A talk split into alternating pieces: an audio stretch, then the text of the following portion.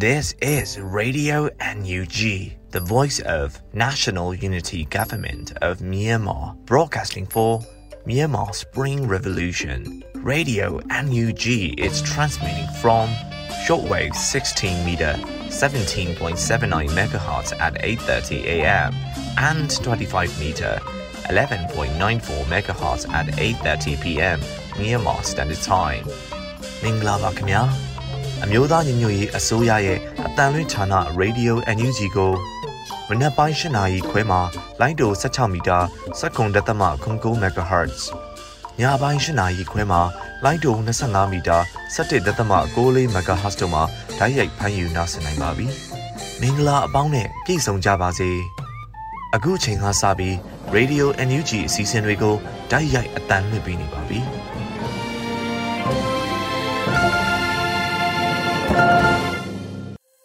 မြန်မာနိုင်ငံသူနိုင်ငံသားအပေါင်းတဘာဝပြီးစစ်အာဏာရှင်ဘေးတို့ကနေကင်းဝေးပြီးဘေးကင်းလုံခြုံကျန်းမာကြပါစေလို့ရေဒီယို UNG ဖွဲ့သားများကဆုတောင်းမြတ်တာပို့သလိုက်ရပါတယ်ရှင်။ပထမဆုံးအနေနဲ့ကာကွယ်ရေးဝန်ကြီးဌာနရဲ့စစ်ရေးတရင်အကျဉ်းချုပ်ကိုရန်နိုင်မှတင်ပြပေးမှာဖြစ်ပါတယ်ရှင်။မြို့သားညီညွတ်ရေးဆိုရကာကွယ်ဝန်ကြီးဌာနကထုတ်ဝေတဲ့နိုင်စဉ်စစ်ရေးတရင်အကျဉ်းချုပ်ကိုတင်ဆက်ပေးပါတော့မယ်။ နေ့စဉ်စစ်ရေးတရင်အချင်းချုပ်ရာစစ်ကောင်စီတပ်သား၄ဦးသေဆုံးပြီးစစ်ကောင်စီတပ်သား၄ဦးဒဏ်ရာရရှိခဲ့ပါတယ်ခင်ဗျာပထမဦးစွာစစ်ကောင်စီနဲ့တိုက်ပွဲဖြစ်ပွားမှုတရင်ကိုတင်ဆက်ပေးပါမယ်စကိုင်းတိုင်းမှာမေလ29ရက်နေ့မနက်9:45မိနစ်ချိန်ကကတာမြို့နယ်မူရာကြီးရွာကထွက်လာတဲ့စစ်ကောင်စီသင်္ဘော၃စီးကိုပြည်သူ့ကာကွယ်ရေးဖွဲ့ကတာနဲ့မဟာမိတ်အင်အားစုအဖွဲ့တို့ကရှော့တိုက်ဒုံး၅လုံးနဲ့ပစ်ခတ်တိုက်ခိုက်ရမှာ သင်္ဘောတစ်စီးကိုရှော့တိုက်ဒုံးနှလုံးထိမှန်ခဲ့ပြီးစစ်ကောင်စီတပ်သားများတေဆုံးမှုရှိခဲ့ပါတယ်။မီလာ26ရက်နေ့မနက်9:00နာရီချိန်ခန့်ကရွှေဘုံမြို့နယ်ဇောင်းတန်းကျေးရွာနီမှာထောက်ပို့လာတဲ့ပြူစောတီတူကိုပြည်သူ့ကာကွယ်ရေးအဖွဲ့ရွှေဘိုကရှောင်းတခင်စစ်ဆေးပစ်ခတ်ခဲ့ပြီးပြူစောတီတူတေဆုံးကပြည်သူ့ကာကွယ်ရေးရဲဘော်တအူ6ရောက်ကြီးထိမှန်ခဲ့ပါတယ်။မီလာ26ရက်နေ့ညနေ4:00နာရီချိန်ခန့်ကဂေါလင်းမြို့နယ်ကောလင်းမြို့သူနာရက်ကွက် VIP လက်ဖက်ရည်ဆိုင်ဒီမှာ ဒုရဲတက်ချက်မျိုးနိုင်မောင်းလာတဲ့ကားတစ်စီးကိုပြည်သူ့ကာကွယ်ရေးအဖွဲ့ကောလင်းကပစ်ခတ်တိုက်ခိုက်ခဲ့ရမှာကားရပ်တန့်သွားခဲ့ပြီးအတွင်းထဲပါလာတဲ့ရဲများထိခိုက်မှုရှိခဲ့ပါတယ်ခင်ဗျာဒီနေ့တိုင်းတိုင်းမှာတော့မေလ29ရက်နေ့မနက်6:00နာရီချိန်ခန့်ကလောင်းလုံးမြို့နယ်ရှိ Welcome to လောင်းလုံးဆိုင်းဘုံဒီမှာကင်းလှည့်နေတဲ့စစ်ဘက်ရေးရာလုံခြုံရေးတပ်ဖွဲ့ဝင်များအပါအဝင်စစ်ကောင်စီတပ်သား10ဦးခန့်ကိုပြည်သူ့ပန်းနိုင်ပျောက်ကြားတပ်ဖွဲ့ကတိုက်ခိုက်ခဲ့ရာ အပြန်အလှန်10မိနစ်ခန့်ပစ်ခတ်မှုဖြစ်ပွားခဲ့ပြီးစစ်ကောင်စီတပ်သား2ဦးသေဆုံးခဲ့ပါတယ်။မီလာ26ရက်နေ့မနက်9:00နာရီချိန်ခန့်ကပလောမြို့နယ်ဝတ်တိုးကျေးရွာနီမှာစစ်ကောင်စီရဲ့285တပ်နဲ့ပလောပြည်သူ့ကာကွယ်ရေးတပ်မတော် PPDF မာမိတ်တပ်ပေါင်းစုတို့ကြား9နာရီကြာတိုက်ပွဲဖြစ်ပွားခဲ့ပြီးစစ်ကောင်စီတပ်သား2ဦးနဲ့4ဦးဒဏ်ရာရရှိခဲ့ပါတယ်ခင်ဗျာဆက်လက်ပြီးစစ်ကောင်စီကကျူးလွန်တဲ့ရာဇဝတ်မှုများကိုလည်းတင်ဆက်ပေးပါောင်းမယ်ကချင်ပြည်နယ်မှာမီလာ29ရက်နေ့က ဖားကန့်မြို့နယ်မိုးကာကြီးရွာတိတ်မှာတက်ဆွဲထားတဲ့စစ်ကောင်စီတပ်ကကြီးရွာတိတ်ကနေပြီးလက်နက်ကြီးလက်နက်ငယ်များရန်သမ်းပစ်ခတ်တဲ့အတွက်အမျိုးသားတဦးကြီးထိမှန်တေဆုံးခဲ့တယ်လို့သိရှိရပါတယ်ခင်ဗျာရှမ်းပြည်နယ်မှာမီလ26ရက်နေ့ညနေ9:00နာရီချိန်ခန့်ကဘယ်ကုံမြို့နယ်လွယ်ဘောကြီးရွာအုပ်စုလက်မကူးတောင်ပေါ်မှာတက်ဆွဲထားတဲ့စစ်ကောင်စီတပ်ကမခေခမ်းရွာကိုမိရှို့ဖျက်ဆီးခဲ့ကြပါတယ်ခင်ဗျာစကိုင်းတိုင်းမှာတော့မီလ29ရက်နေ့မနက်6:30မိနစ်30ချိန်ခန့်မှာကမ်ဘလူမြို့နယ်တရောကြီးရွာကိုစစ်ကောင်စီတပ်သားများဝင်ရောက်ခဲ့ပြီး ပြည်သူပိုင်နေအိမ်တရားခန့်ကိုမိရှို့ဖျက်ဆီးခဲ့ပါတယ်။မီလာ26ရက်နေ့ညနေ9:15မိနစ်ချိန်ခန့်ကကျွန်းလာမြို့နယ်လဲလာကျေးရွာနေရှေ့နေဦးနေအောင်ပါဝင်ကျေးရွာသား6ဦးကိုကျွန်းလာမြို့ပေါ်ရှိပြူစောတိများကဖမ်းဆီးသွားခဲ့ကြပါတယ်ခင်ဗျာ။မန္တလေးတိုင်းမှာတော့မီလာ29ရက်နေ့မနက်9:00နာရီချိန်ခန့်ကမြေသားမြို့နယ်ရွာခိုင်ကြီးတိုက်နယ်ရှိနက်လွဲကျေးရွာကိုစစ်ကောင်စီများကကားလေးစီးနဲ့ဝင်ရောက်ရှာဖွေခဲ့ပြီး၎င်းတို့လိုချင်နေတဲ့သူအားမရတဲ့အတွက် ထိုသူရဲ့ဇနီးနဲ့ကလေးကိုဖမ်းသွားပြီးတဲ့နောက်အိမ်နှလုံးကို PDF များအားလက်ခံထားတယ်လို့ဆိုကဖျက်ဆီးသွားခဲ့ကြပါတယ်ခင်ဗျာအခုတင်ဆက်ပေးခဲ့တဲ့နေ့စဉ်စီးရီးသတင်းချင်းချုပ်များကိုတော့မြေပြင်သတင်းတောင်ခံများနဲ့သတင်းဌာနများကဖော်ပြလာတဲ့ချက်လက်များပေါ်မှာအခြေခံပြုစုထားတာပဲဖြစ်ပါတယ်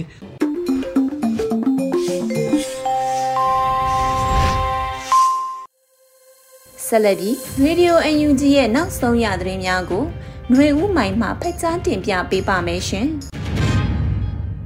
မင်္ဂလာပါရှင်အခုချိန်ကစပြီး Radio UNG ရဲ့နောက်ဆုံးရသတင်းများကိုဖတ်ကြားပေးပါတော့မယ်ဤသတင်းများကိုရေဒီယို UNG သတင်းတောင်ခံများနဲ့ခိုင်လုံတဲ့မိတ်ဖက်သတင်းရင်းမြစ်တွေစီကအခြေခံတင်ပြထားခြင်းဖြစ်ပါရဲ့ရှင်။မြန်မာပြည်သူများအတွက်လူသားချင်းစာနာတဲ့အကူအညီများပေးဖို့အမေရိကန်ဒေါ်လာ1.2ဘီလီယံလိုအပ်ချက်ရှိတယ်လို့ပြည်ထောင်စုဝန်ကြီးဒေါက်တာဝင်းမြတ်အေးဆိုတဲ့သတင်းကိုဥစွာတင်ပြပေးပါမယ်။မြန်မာပြည်သူများအတွက်လူသားချင်းစာနာတဲ့အကူအညီများပေးဖို့ အမေရိကန်ဒေါ်လာ1.2ဘီလီယံလိုအပ်ချက်ရှိရလို့ပြည်ထောင်စုဝန်ကြီးဒေါက်တာဝင်းမြတ်အေးကဆိုလိုက်ပါတယ်။မေလ29ရက်ကျင်းပတဲ့ NSD နဲ့ Real Voice Now ဂျိုတိုဂျပန်မှပူးပေါင်းစီစဉ်သောနိုင်ငံတကာနဲ့မြန်မာလူအခွင့်အရေးအစီအစဉ်မှာ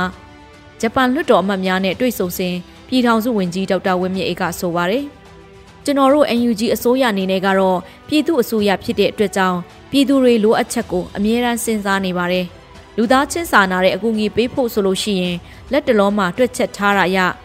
1.2ဘီလီယံဒေါ်လာလိုအပ်ချက်ရှိနေပါတယ်။ဒါလိုအပ်ချက်အနေနဲ့ပြောတာဖြစ်ပါတယ်။အကြမ်းဖက်စစ်တပ်ရဲ့စစ်အာဏာသိမ်းပြီးနောက်ပိုင်းမှာပြည်သူတွေရဲ့လိုအပ်ချက်ကအဲ့လောက်လိုအပ်နေတာဖြစ်ပါတယ်လို့ဝန်ကြီးကဆိုပါတယ်။မြန်မာနိုင်ငံတွင်စစ်အာဏာသိမ်းပြီးနောက်ပိုင်းအလုတ်အကင်အခွင့်အလမ်းနဲ့စီးပွားရေးများပျက်စီးဆုံးရှုံးကလူသားချင်းစာနာမှုအကူအညီလိုအပ်သူ14.4တန်းအထိတိုးတက်ရှိခဲ့ပါတယ်။ WFP ရဲ့အချက်လေးရလူဦးရေ73.2တန်းမှာမဖြစ်မနေအစားတောက်နဲ့ပတ်သက်လို့လိုအပ်ချက်ရှိရလို့သိရပါတယ်ရှင်။ဆလပီ UNG အစိုးရအလုတ်သမားဝင်ကြီးဌာနကပြည်ပအလုတ်ကိုင်းဆိုင်ရာစစ်တမ်းကောက်ယူခြင်းနဲ့ပြည်ပအလုတ်ကိုင်းအတိအမှတ်ပြုကတ် OERC ထုတ်ပေးခြင်းဆောင်ရွက်မဲ့သတင်းကိုတင်ပြပေးပါမယ်။ UNG အစိုးရအလုတ်သမားဝင်ကြီးဌာနကပြည်ပအလုတ်ကိုင်းဆိုင်ရာစစ်တမ်းကောက်ယူခြင်းနဲ့ ပြည်ပအလုပ်အကိုင်အတိမတ်ပြုကတ် OERC ထုတ်ပေးခြင်းဆောင်ရွက်မယ်လို့သိရပါတယ်။မေလ29ရက်မှာအမျိုးသားညီညွတ်ရေးအစိုးရအလုတ်သမားဝင်ကြီးဌာနကကြေညာခဲ့ပါတယ်။အမျိုးသားညီညွတ်ရေးအစိုးရအလုတ်သမားဝင်ကြီးဌာနသည်ပြည်ပနိုင်ငံအသီးသီးတွင်ရောက်ရှိအလုတ်လုပ်ကင်နေသည့်မြန်မာနိုင်ငံသားများတရားဝင်နေထိုင်လုပ်ကင်နေသည့်အလုတ်သမားများတက်တန်းကျော်လွန်နေထိုင်လုပ်ကင်နေသူများအလုတ်လုပ်ကင်နေသည့်အထောက်ထားမဲ့မြန်မာနိုင်ငံသားများ ခိုလုံခွင့်ဗီဇာတစ်မျိုးမျိုးဖြင့်နေထိုင်လုပ်ကိုင်နေသူများ၏အလို့အကင်ဆိုင်ရာသတင်းအချက်အလက်များကိုစစ်တမ်းကောက်ယူခြင်းနဲ့ပြည်ပအလို့အကင်အတိအမှတ်ပြုကတ် Overseas Employment Registration Card OERC ထုတ်ပေးခြင်းကိုဆောင်ရွက်သွားမှာဖြစ်တယ်လို့ဆိုပါတယ်။ OERC ကတ်အတွက်ရှောက်လွှာတင်သွင်းခြင်းနဲ့စစ်တမ်းကောက်ယူခြင်းကို online application form အသုံးပြုသွားမည်ဖြစ်ပြီး application form တွင်ဖြည့်သွင်းထားသည့်အချက်အလက်များကိုစီစစ်အတည်ပြု၍ OERC Smart Card ပြန်လည်ထုတ်ပေးသွားမှာဖြစ်ပါတယ်။ application form ဖြည့်သွင်းရရင်အခက်ခဲရှိပါကလိုအပ်ချက်များပံ့ပိုးကူညီဆောင်ရွက်ပေးရန် OERC Smart Card ဖြန့်ဝေပေးရန်နဲ့မလိုလားအသည့်လိမ်လည်မှုမတမာမှုများမှကာကွယ်ရန်သက်ဆိုင်ရာနိုင်ငံများရှိမြန်မာရွှေ့ပြောင်းအလုပ်သမားရေးရာကော်မတီများ MMWC ကိုယ်စားလှယ်အဖွဲ့များနဲ့ချိတ်ဆက်ပူးပေါင်းဆောင်ရွက်သွားမယ်လို့သိရှိရပါတယ်ရှင်။ ဆက်လက်ပြီးဒေါ်အောင်ဆန်းစုကြည်ရဲ့ပသိမ်ထီးကန်ဆာမဲလက်မှတ်9500ကျော်ရောင်းချရပြီးဖြစ်က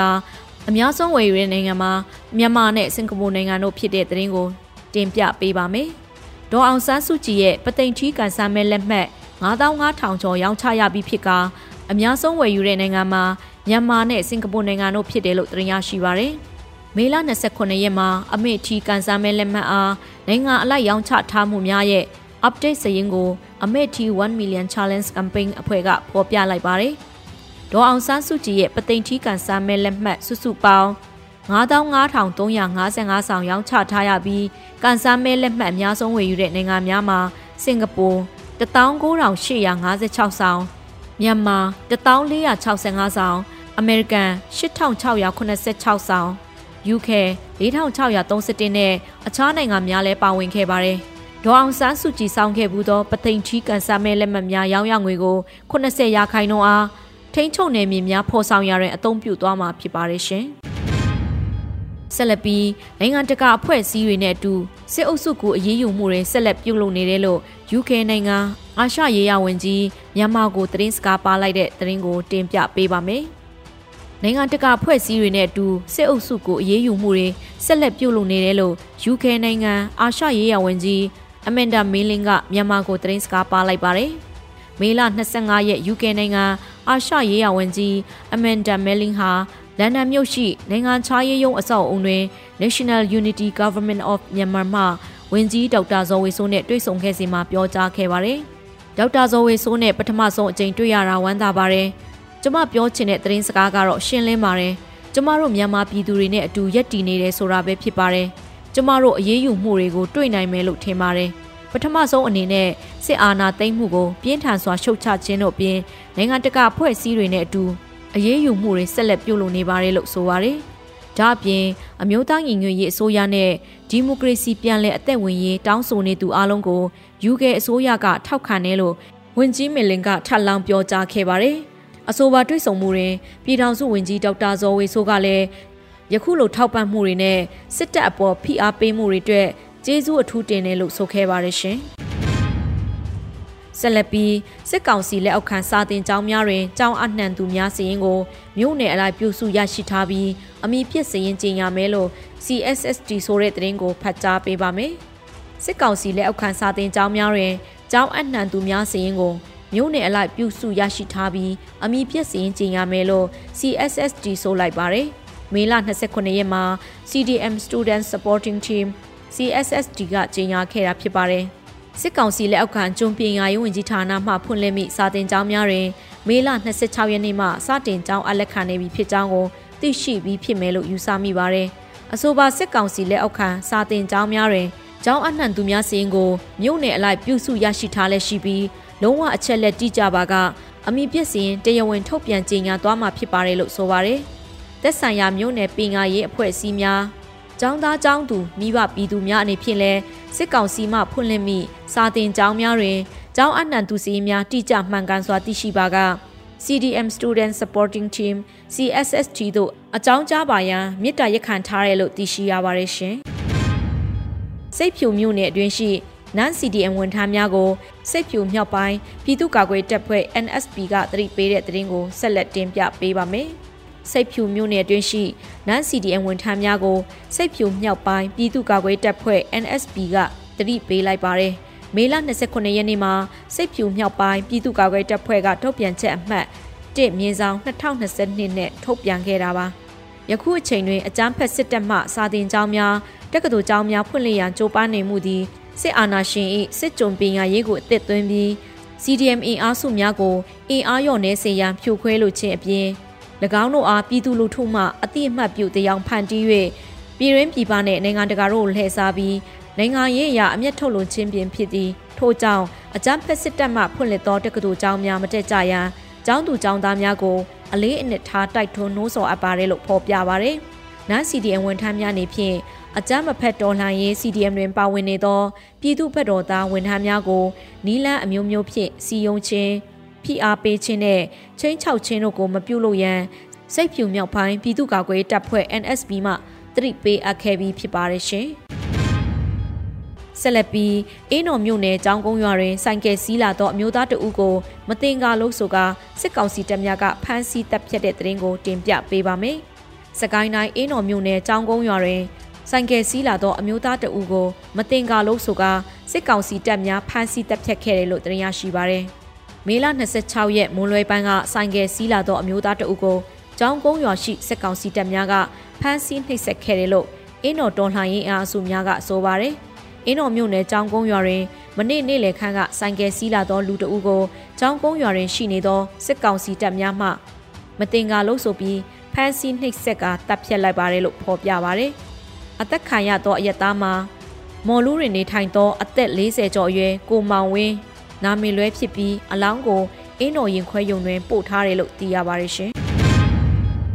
မြမပေမြို့နယ်သို့စစ်ကောင်စီတပ်များစစ်ကြောင်းထိုးရာတွင်ဒေသခံကာကွယ်ရေးစခန်းတစ်ခုကိုပါမီးရှို့ဖျက်ဆီးတဲ့တဲ့ရင်ကိုဆက်လက်တင်ပြပေးပါမယ်။စကိုင်းတိုင်းရမပင်မြို့နယ်သို့စစ်ကောင်စီတပ်များစစ်ကြောင်းထိုးရာတွင်ဒေသခံကာကွယ်ရေးစခန်းတစ်ခုကိုပါမီးရှို့ဖျက်ဆီးသွားတယ်လို့သိရရှိပါရယ်။မေလ29ရက်နေ့မှာစခန်းမီးရှို့ဖျက်ဆီးခံရကြောင်း စစ်ကြုံမခံမွေဆိုးတတိုက် PDF ကအတည်ပြုဆိုပါတယ်။မေလ24ရက်မှစတင်က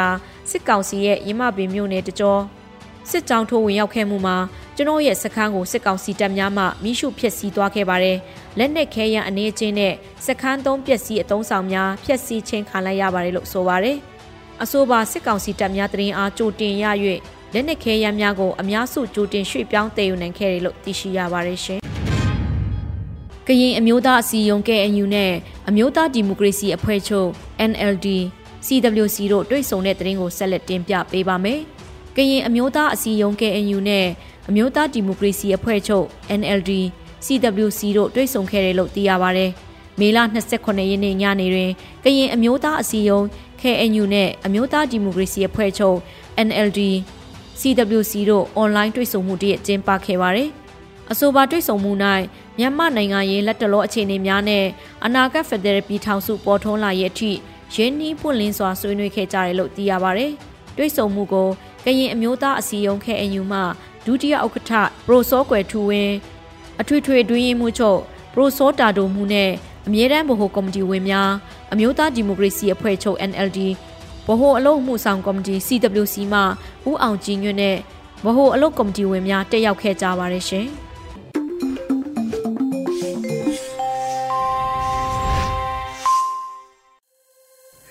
ရေဒီယို UNG မှဆက်လက်အသံလွှင့်နေပါတယ်။အခုတခါပြည်သူခုခံတော်လှန်စစ်တရင်များကိုမင်းနိုင်တွေဦးမှဖက်ကြားပေးထားပါတယ်ရှင်။ပထမအဦးဆုံးအနေနဲ့မုံရွာတွင်စစ်သား9ဦးသေဆုံးတဲ့တရင်တင်ဆက်မှာပါ။စကိုင်းတိုင်းမုံရွာခရိုင်မုံရွာအမြင့်လန်းထနောင်းတော်မြောက်ရွာတွင်မေလ26ရက်နေ့ကမြို့ရင်းပြန်ဝင်မယ်အကြံဖက်စစ်ကောင်စီစစ်ကြောင်းမှာအင်အား12ဦးပါရှေ့ပြေးမိုင်းရှင်းရေးအဖွဲ့ဟာရွှေစုံမှန်ကျောင်းတိုက် အနောက်ဘက်လမ်းပိုင်းရှိမိုင်းကွင်းအတွင်းဝင်ရောက်လာ၍မိုင်းဆွဲတိုက်ခိုက်ရာစစ်ကောင်စီဝင်9ဦးအနည်းဆုံးသေဆုံးကြောင်း DGF အောက်ချင်းတွင်မုံရမြို့ပြပျောက်ကြားအဖွဲ့ကသတင်းထုတ်ပြန်ပါတယ်ထို့ပြင်စစ်ကူလာတဲ့စစ်ကားတစ်စီးကိုညောင်မင်းသာတင်းချိုင်းအနောက်ဘက်လမ်းပိုင်းတွင်မွန်းလွဲ7နာရီအချိန်အသင့်စောင့်ကြိုမိုင်းဆွဲတိုက်ခိုက်ရာစစ်ကားပျက်စီးသွားပြီးစစ်ကောင်စီဘက်မှတေဆုံးမှုကိုအတိပြုဆက်ဖြစ်ကြောင်းထုတ်ပြန်ချက်အရသိရှိရပါတယ်။မိုင်းထိသွားတဲ့ စစ်ကောင်စီတပ်များကရန်တမ်းပစ်ခတ်သဖြင့်ပြည်သူတအုပ်တေဆုံးခဲ့ကြောင်းထို့အတွက်ပြည်သူများအဆအဆသတိပြုရှောင်ကျဉ်နေထိုင်သွားလာရန် DGF အောက်ချင်းတွင်မုံရမြို့ပြပျောက်ကြားရဲဘော်များအဖွဲ့ကသတင်းထုတ်ပြန်ထားတာပါဆက်လက်ပြီးကံကောတွင်စစ်တပ်ကင်းစကန်ကိုကာကွယ်ရေးတပ်ဖွဲ့များကဒရုန်းဖြင့်ပုံကျဲတိုက်ခိုက်စစ်သား2ဦးသေဆုံးတဲ့တဲ့တင်ဆက်မှာပါ မကွေးတိုင်းကံကောမြို့မြစ်တာမြကူတရာရှိအကြမ်းဖက်စစ်တပ်ကင်းစကန်ကိုမေလ26ရက်နေ့နနက်9:30မိနစ်ခန့်တွင်ဒေသကာကွယ်ရေးတပ်ဖွဲ့များကဒရုန်းဖြင့်ပုံကျဲတိုက်ခိုက်ခဲ့ပြီးစစ်သား2ဦးသေဆုံးက9ဦးထိခိုက်ဒဏ်ရာရရှိခဲ့ကြောင်း Hyper UAV 4တပ်ဖွဲ့ထံမှသိရတာပါအကြမ်းဖက်စစ်တပ်ကင်းစကန်ကို Hyper UAV 4 KKG တရင်6 နပတတရင်903နဲ့904တို့မှာပူပေါင်းတိုက်ခတ်ခဲ့ခြင်းဖြစ်ပြီးအကြမ်းဖက်စစ်တပ်မှ RPG လက်နက်ငယ်များဖြင့်ပြန်လည်ပစ်ခတ်ခဲ့ကနနက်10နာရီခန့်တွင် ပြန်လည်ဆုတ်ခွာခဲ့ကြောင်းသိရပါဗျ။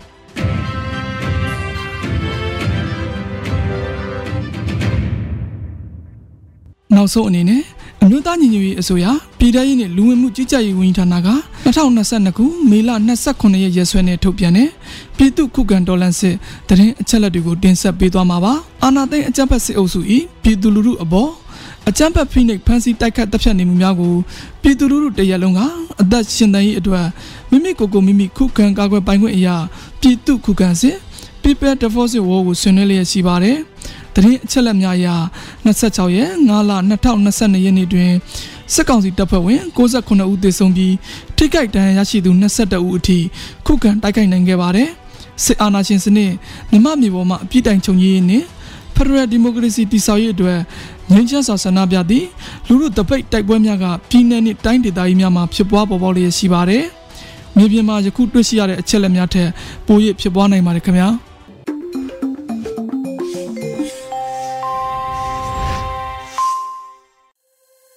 ရေဒီယို UNG သောတာရှင်များရှင် PVTV ရဲ့နေ့စဉ်သတင်းများကိုတော့မျိုးတော်ရာမှဖက်ကြားတင်ပြပေးထားပါတယ်ရှင်ပထမဆုံးတင်ဆက်ပေးမှာကတော့ကုလသမဂ္ဂလုံခြုံရေးကောင်စီအဖွဲ့ဝင်တွေနဲ့ကချင်ကရင်ကရင်နီချင်းလက်နက်ကင်ကိုယ်စားလှယ်တွေအကြားမြမရေးအတွက်အလွတ်သဘောဆွေးနွေးမှုပြုလုပ်ခဲ့တဲ့ဆိုတဲ့သတင်းမှာ ကုလသမဂ္ဂလုံခြုံရေးကောင်စီအဖွဲ့ဝင်တွေနဲ့နှွေဦးတော်လန်ရေးမှာပြည်သူတွေနဲ့တသားတည်းရက်တီပြီးအကြမ်းဖက်စစ်ကောင်စီနဲ့တိုက်ပွဲဆင်နွှဲနေတဲ့ကချင်ကရင်ကရင်နီချင်းလက်နက်ကင်ကိုယ်စားလှယ်တွေအကြားမြမအရေးအတွက်အလို့သဘောတွဲဆုံဆွေးနွေးမှုကိုမေလ25ရက်မှာပြုလုပ်ခဲ့တယ်လို့ကချင်နိုင်ငံရေးဆိုင်ရာဂျားကာလာညှိနှိုင်းရေးအဖွဲ့ KPICT ကထုတ်ပြန်လိုက်ပါတယ်။ ကချင်နိုင်ငံရေးဆိုင်ရာဂျားကာလာညှိနှိုင်းရေးအဖွဲ့ KPICT ရဲ့ထုတ်ပြန်ချက်ထဲမှာအချက်၄ချက်ကိုအဓိကထားဆွေးနွေးခဲ့တယ်လို့ဖော်ပြထားပြီးအဲ့ဒီချက်တွေကအကြမ်းဖက်စစ်တပ်ရဲ့အဓိကငွေကြေးထောက်တိုင်ကြီးတရက်ဖြစ်တဲ့ရေနံလုပ်ငန်းကဝင်ငွေလမ်းကြောင်းတွေဖြတ်တောက်ထားနိုင်ရဲ့ကမ္ဘာကုလသမဂ္ဂလုံခြုံရေးကောင်စီအနေနဲ့ဒိုင်းရသားတော်လှန်ရေးအဖွဲ့အစည်းအသီးသီးနဲ့မျက်နှာစုံကြီးတွေ့ဆုံဆွေးနွေးရေး လိုအပ်တဲ့လူသားချင်းစာနာကူညီရေးအထောက်အပံ့တွေကိုအိန္ဒိယနိုင်ငံတွေရဲ့နေဆက်ဂိတ်တွေကနေတဆင့်တည်ယူပို့ဆောင်ရမှာကူညီဆောင်ရွက်ပေးနိုင်ရင်းနဲ့အာဆီယံနိုင်ငံတွေကပူးပေါင်းဆောင်ရွက်ရန်လမ်းစဉ်အကောင့်ထဲဖော်ရေးတိုက်တွန်းနေတာကငိမ့်ခါဒီမီတက်ကိုပြန်လဲအသက်သွင်းတဲ့ပုံစံမျိုးမဖြစ်စေရေးအစရှိတဲ့အချက်တွေဖြစ်တယ်လို့ ဖော်ပြထားတာတွေ့ရပါတယ်။အဆိုပါတွေ့ဆုံပွဲကို Norway Mission စီစဉ်နဲ့ပြုလုပ်ခဲ့တာဖြစ်ပြီးတော့ကချင်နိုင်ငံရေးအင်အားစုတွေဖွဲ့စည်းထားတဲ့ကချင်နိုင်ငံရေးဆိုင်ရာဂျာကာလာညှိနှိုင်းရေးအဖွဲ့ KPICT အတွင်းရေးမှူးဆလမ်နန်ဆန်ကန်ဆန်အပါဝင်ဂရင်အမျိုးသားအစည်းအရုံး KNU ချင်းအမျိုးသားတပ်ဦး CNF နဲ့ဂရင်နီကိုယ်စားလှယ်တို့တက်ရောက်ခဲ့ကြပါတယ် တွေ့ဆုံဆွေးနွေးခဲ့ရမှာအခြားသောအရေးကြီးတဲ့အချက်တွေပါထည့်သွင်းဆွေးနွေးခဲ့တယ်လို့ဆိုထားပေမဲ့လည်းအသေးစိတ်အချက်လက်တွေကိုတော့ထုတ်ပြန်ချက်ထဲမှာဖော်ပြထားတာမရှိပါဘူး။လက်ရှိတွေ့ဆုံပွဲမှာပါဝင်တဲ့အဖွဲ့တွေအကုန်လုံးကအကြမ်းဖက်စစ်ကောင်စီကိုတိုက်ထုတ်နေတဲ့အဖွဲ့တွေဖြစ်ပါတယ်။အခုတကတင်ဆက်ပိမှာကတော့ချင်းပြည်နယ်ဂျာကလာမြေယာနဲ့တယန်ဇာတာအုပ်ချုပ်စီမံမှုဆိုင်ရာဆွေးနွေးပွဲတရက် မကြခင်မှာကျင်းပဖို့စီစဉ်နေတယ်ဆိုတဲ့သတင်းမှာဂျာဂလာချင်းမျိုးသားအတိုင်းပင်ခံကောင်စီနဲ့အမျိုးသားမျိုးရေးအစိုးရတယံဇာတာနဲ့တဘာဝပတ်ဝန်းကျင်ထိန်းသိမ်းရေးဝန်ကြီးဌာနတို့ပူးပေါင်းစီစဉ်မှုနဲ့ချင်းပြည်နယ်ဂျာဂလာမြေယာနဲ့တယံဇာတာအုပ်ချုပ်စီမံမှုဆိုင်ရာဆွေးနွေးပွဲတရက်မကြခင်မှာကျင်းပဖို့စီစဉ်နေတယ်လို့သတင်းထုတ်ပြန်ပါတယ်။ သတင်းထုတ်ပြန်ချက်ကိုဂျာကာလာချင်းမျိုးသားအတိုင်းပင်ခံကောင်စီ ICNCC နဲ့အမျိုးသားညိုရေးအစိုးရတရားဇာတနဲ့တဘာဝပတ်ဝန်းကျင်ထိန်းသိမ်းရေးဝန်ကြီးဌာနတို့ပူးတွဲထုတ်ပြန်ခဲ့တာပါ ဂျာဂလာချင်းပြည်မြေယာနဲ့တယံဇာတစီမံခန့်ခွဲမှုဆိုင်ရာကိစ္စရပ်တွေကို Federal Democracy ပြည်ညိအစိတ်အပိုင်းတအခန်းလေးအပိုင်း3ပုံမှန်20 23မှာပြဋ္ဌာန်းချက်တွေနဲ့အညီချင်းပြည်ရဲ့ Federal လုတ်ပိုင်ခွင့်များအရာပြဋ္ဌာန်းဆောင်ရွက်နိုင်ရေးကိစ္စရပ်တွေအတွက်တယံဇာတနဲ့တဘာဝပတ်ဝန်းကျင်ထိန်းသိမ်းရေးဝန်ကြီးဌာနပြည်ထောင်စုဝန်ကြီးဒေါက်တာဒူခေါင်ဒုတိယဝန်ကြီးခွန်ဘီတူဦးဆောင်တဲ့အဖွဲ့နဲ့ ICNCC အဖွဲ့တို့အကြားတွဲဆုံဆွေးနွေးမှုကိုမေလ25ရက်မှာပြုလုပ်ခဲ့ကြပါတယ်ချင်းပြည်ကြားကာလမြေယာနဲ့တရားဇာတအုပ်ချုပ်စီမံခန့်ခွဲမှုဆိုင်ရာဆွေးနွေးပွဲကိုချင်းပြည်မြို့နယ်အသီးသီးမှပြည်သူ့အုပ်ချုပ်ရေးအဖွဲ့အစည်းများမြေယာတစ်တော်နဲ့တရားဇာတထိန်းသိမ်းရေးဆိုင်ရာလုပ်ငန်းဆောင်ရွက်နေတဲ့အရက်ဘက်ဖွဲ့အစည်းများဒေသခံကာကွယ်ရေးအဖွဲ့များပါဝင်သင့်ပါဝင်ထိုက်သူများနဲ့ပြုလုပ်သွားမှာဖြစ်တယ်လို့သတင်းထုတ်ပြန်ချက်မှာဖော်ပြထားတာတွေ့ရပါတယ်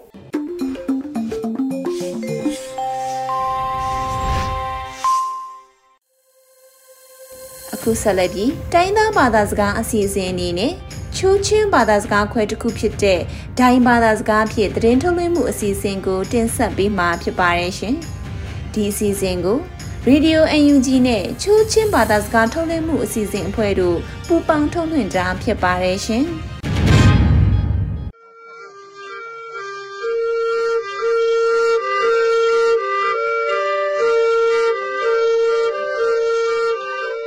ရေဒီယို NUG တိုင်ဘက်ထိုင်လုံ nak sunga ki no ba be na ning ya ye nak ni tungoi khokum thong he konam ko yang hi no kham ko yak phe lom hu khun su ma tung hong ya ka thang ye sun ki dai sol hai no kaning yam the lok khaya ka ki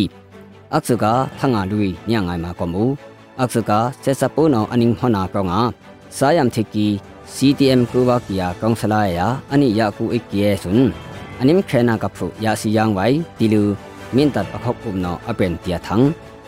อังหินากาเมียนตำลุเสสังอนังทนักคือลือเซนหัดอึมอนิกาหัวผุหาเซนมันอขอบุดลืออนุพีอลุปุ่มเล็บกีเตียทังอักทุมนากาปะเลวามลุนเฮียอีอียาเสสปูตุกนักตุนิเบตุกิหอยเตียทังอักพุนากาดิโมครีซีละมุงอักยางาบะเปอภาเบวายากุยมิงนักกิยาเบกเดพชูนอยามเทกีเตียทังเงเนี่ยงายเ ขยกักกินี aksu ka thang ningai be kombu se sa pu no ang hona kronga sayam thiki CTM ko wa ki kong sela ya ani ya ku ekye sun dam ya pet wai tilu min tat pakhok um no no kham ku ya khum no bung thang ani prau hwa ka kini khang san ya se sapu no aning hona kronga kai ki kong sela ya ani ya ku ekye sun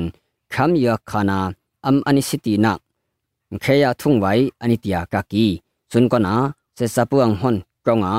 ku yam kai lu นิคอนเฮนิคำอยู่นออันนิงหอนากรองายามกายไว้มีนตัดประคบอุบนอยามซุ่มสวยเกียกากีอังหินากะทังนิงไงเบกอมอูนูคามกูอยากทุมทุมงอยละมามีนตัดเสสังอนังหันเฮ็ดคอนเลียคือลือเซนเฮ็ดอุมอันนี้กะหัวผืดับน้ำมึงกาหาเซนมัดอะขอบุดลืออนุปีอลุปุ่มเล็บกีติลือดับน้ำน้ำมามัดนอตามินตัดโพสต์อาทางอักเปล่าลอ หงยากะกากินีမင်းတမ်လူဟိခွန်လျက်ခုဆန်ဟက်ဒပ်ထုဝေအနိကာဟူနာဆန်မန်အခဝางดาอัมคุกุงบดลูอีเมพีโปรปรักเยนาเซนตาเซยุงดาอันนี้เสปุยอูติลูนัมมาโนอเปนากากีနှုတ်ခမ်ကိုယံဟိမနှုတ်ပုံပီမင်းဟိမပွာနှုနာဝေကီစေစပူယာ CTF မင်တဆွန်တုဘေတူဥလူဟိသီလူလက်ကေကကီစေဆိုင်နောဒမ်နမ်ဒါဆန်ဟက်အနိကာဟူဆွန်အဆုနန်နမာเซยุงอันนี้ตากับผู้ติลูทางอันนี้ปรากากีดำน้ำจุนมินดาตักคือเมืองหาทุกลือตูกุมทานุงปีตุมเพนอีเกียอีเอายาทากีอัถอยมัดปีเซซาปูนอมันลืออันนี้เสปุยขยากากีอักทุมนากะทังนิงไงเบกอมูครูคอปเลวัมลุนเฮอาอีอียาเซซาปูสุนโ dam nam da sen het anika hu chun asunang nama seyung anita ka phu tilu thang anik pra ka ki dam nam chun min da ta khu mung ha thu lu tu kum thanung pi tum phen ik ye e au ya tha ki a thoi mat pi se sa pu no man lu ani se pui khaya ka ki ak thum na ka thang ningai be ko mu khu kho palewam lu ne a e e ya se sa pu sun no kham ku ya khum nu ngoi la ma tun i ulu tu be tu ki tilu BBC နောအယုဟွာကကိနီတုံနန်ဟန်တာအပေါင်းစနမ်ပီနီတီလူနမ်မအေနောအနိပနာကကီဆက်စပူအဝဲဆောဆွန်းခောက်ကုမ်ထောင်ဟိကနမ်ကူတုံနာကထကာဆဲလဟန်လော်ကီတုံနန်ဒုံလောက်ခိုင်တီလူယမ်ဆွေဥလူဆက်စပူနပီအီအီဆွန်းနောဟက်ကောက်ဥလူတုံနက်တွန်းအီဝိုင်တူကီအေတီလူအနိပန်လောကနာအဟိဘာတုံနဝဲလော်ဘဲတူကီယာကကိနီအဖုနာကထန်နိငိုင်ဘဲကောမူ ဂျပန်ပဲတိုချုံလူအားအမေရိကန်ဩစတြေးလျအိန္ဒိယဂျပန်ခေါင်ပဲဖြူဆွိဆက်ပူနော်အနိဘီယာထိုနာတုံစုဘပဲဖလုံငမ်ဒီမ်ဒီတီလူအနိပနာကာကီဘပဲဆွန်ဒီမိုကရေစီလမုံအစေဝယဖအာဆီယံငီနာဆွန်အကယာငါအနိပေါ်ပန်ဘိုင်နှုံခါကိုယဖူနှုံပုံအနိပန်အိုတီလူအိန္ဒိယနှုံငော ENI သံငွာကာကီကိုိတီနာကီယာ အရှိနာခေါင်ပဲဖြူစနောဘပေအာသွန်ဝဲနောခန်းယနူယိုင်ပေါင်ခါဆက်လူဒင်းဒီနာယာမလုံဥပနာယာစင်ပရစကီတီလူအနိပနာကကီနီဝဲဆော့ဆန်ယာဟွိုင်နွန်လူခေါင်ပဲအဖုအနိမနာခန်းငယ်ရထုပဲပိုင်စူငီလူထုံခါနာပေါ်ပန်ပိုင်ခန်းပွီဘရန်အီလူဒီမိုကရေစီလာမုံဆေဝိုင်တီလူထုနာကုံပွီလော့ကီယာကကီစုံငါကီနိုပါဘေနာနိညာယေနာနီ เบรนอีลือดิโมคราซีละมงเสไว้ติลือทุนากุงปุยลอกยากักกีสุงอากีนูปาเบนานิญญาเยนางนี้เราเบตุกีขึ้นซูมลอมหุบตุติยานิงคุมเอตุกอมอู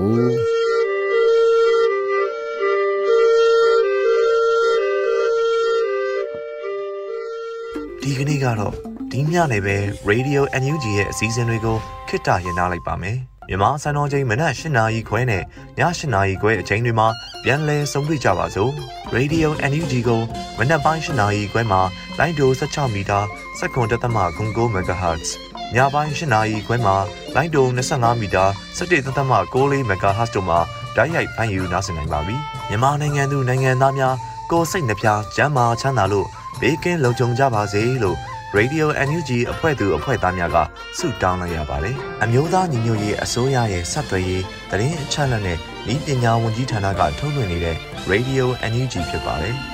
San Francisco Bay Area အခြေစိုက်မြန်မာမိသားစုများနဲ့နိုင်ငံတကာကစေတနာရှင်များလှုပ်အားပေးများရဲ့ Radio NUG ဖြစ်ပါတယ်။အရေးတော်ပုံအောင်ရမည်